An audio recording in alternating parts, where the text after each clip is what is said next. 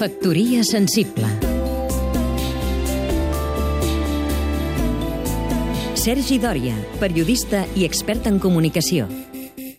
Entre els personatges televisius d'Obrenar en tornada a l'escola, a la meva infantesa, destaquen tres animals, el gos Rintintín, el dofí Flipper i el cavall Fúria. Aquelles tres sèries van ensenyar als infants de la meva generació a respectar els animals.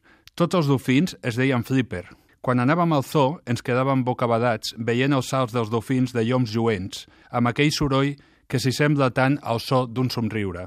Del Comitè de Salut Pública Ecosocialista que governava la Barcelona tripartita, el que va prohibir els toros i la venda d'ocells a la Rambla, hem passat a un consistori que no vol veure un torero ni en pintura i que prohibirà al zoo les exhibicions de dofins que des de fa de mig segle, amb floquet de neu, atreien a més d'un milió de visitants de la gran encissera a la gran inquisidora.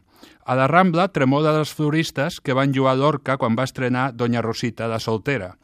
La gent del circ ja es pot oblidar dels elefants, micos, tigres i lleons i quedar-se amb els pallassos més aviat depriments. Els dofins esdevindran una mena de documental del National Geographic dins d'un delfinari que costarà 10 milions d'euros. En comptes d'ampliar el zoo, no fora millor tancar-lo definitivament?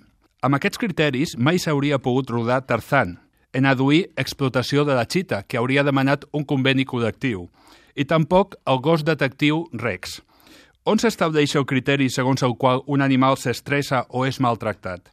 La mula Francis era víctima de l'Star System de Hollywood? I a nosaltres, animals racionals, qui ens protegeix de les animalades provisionistes? Factoria sensible Seguim-nos també a catradio.cat.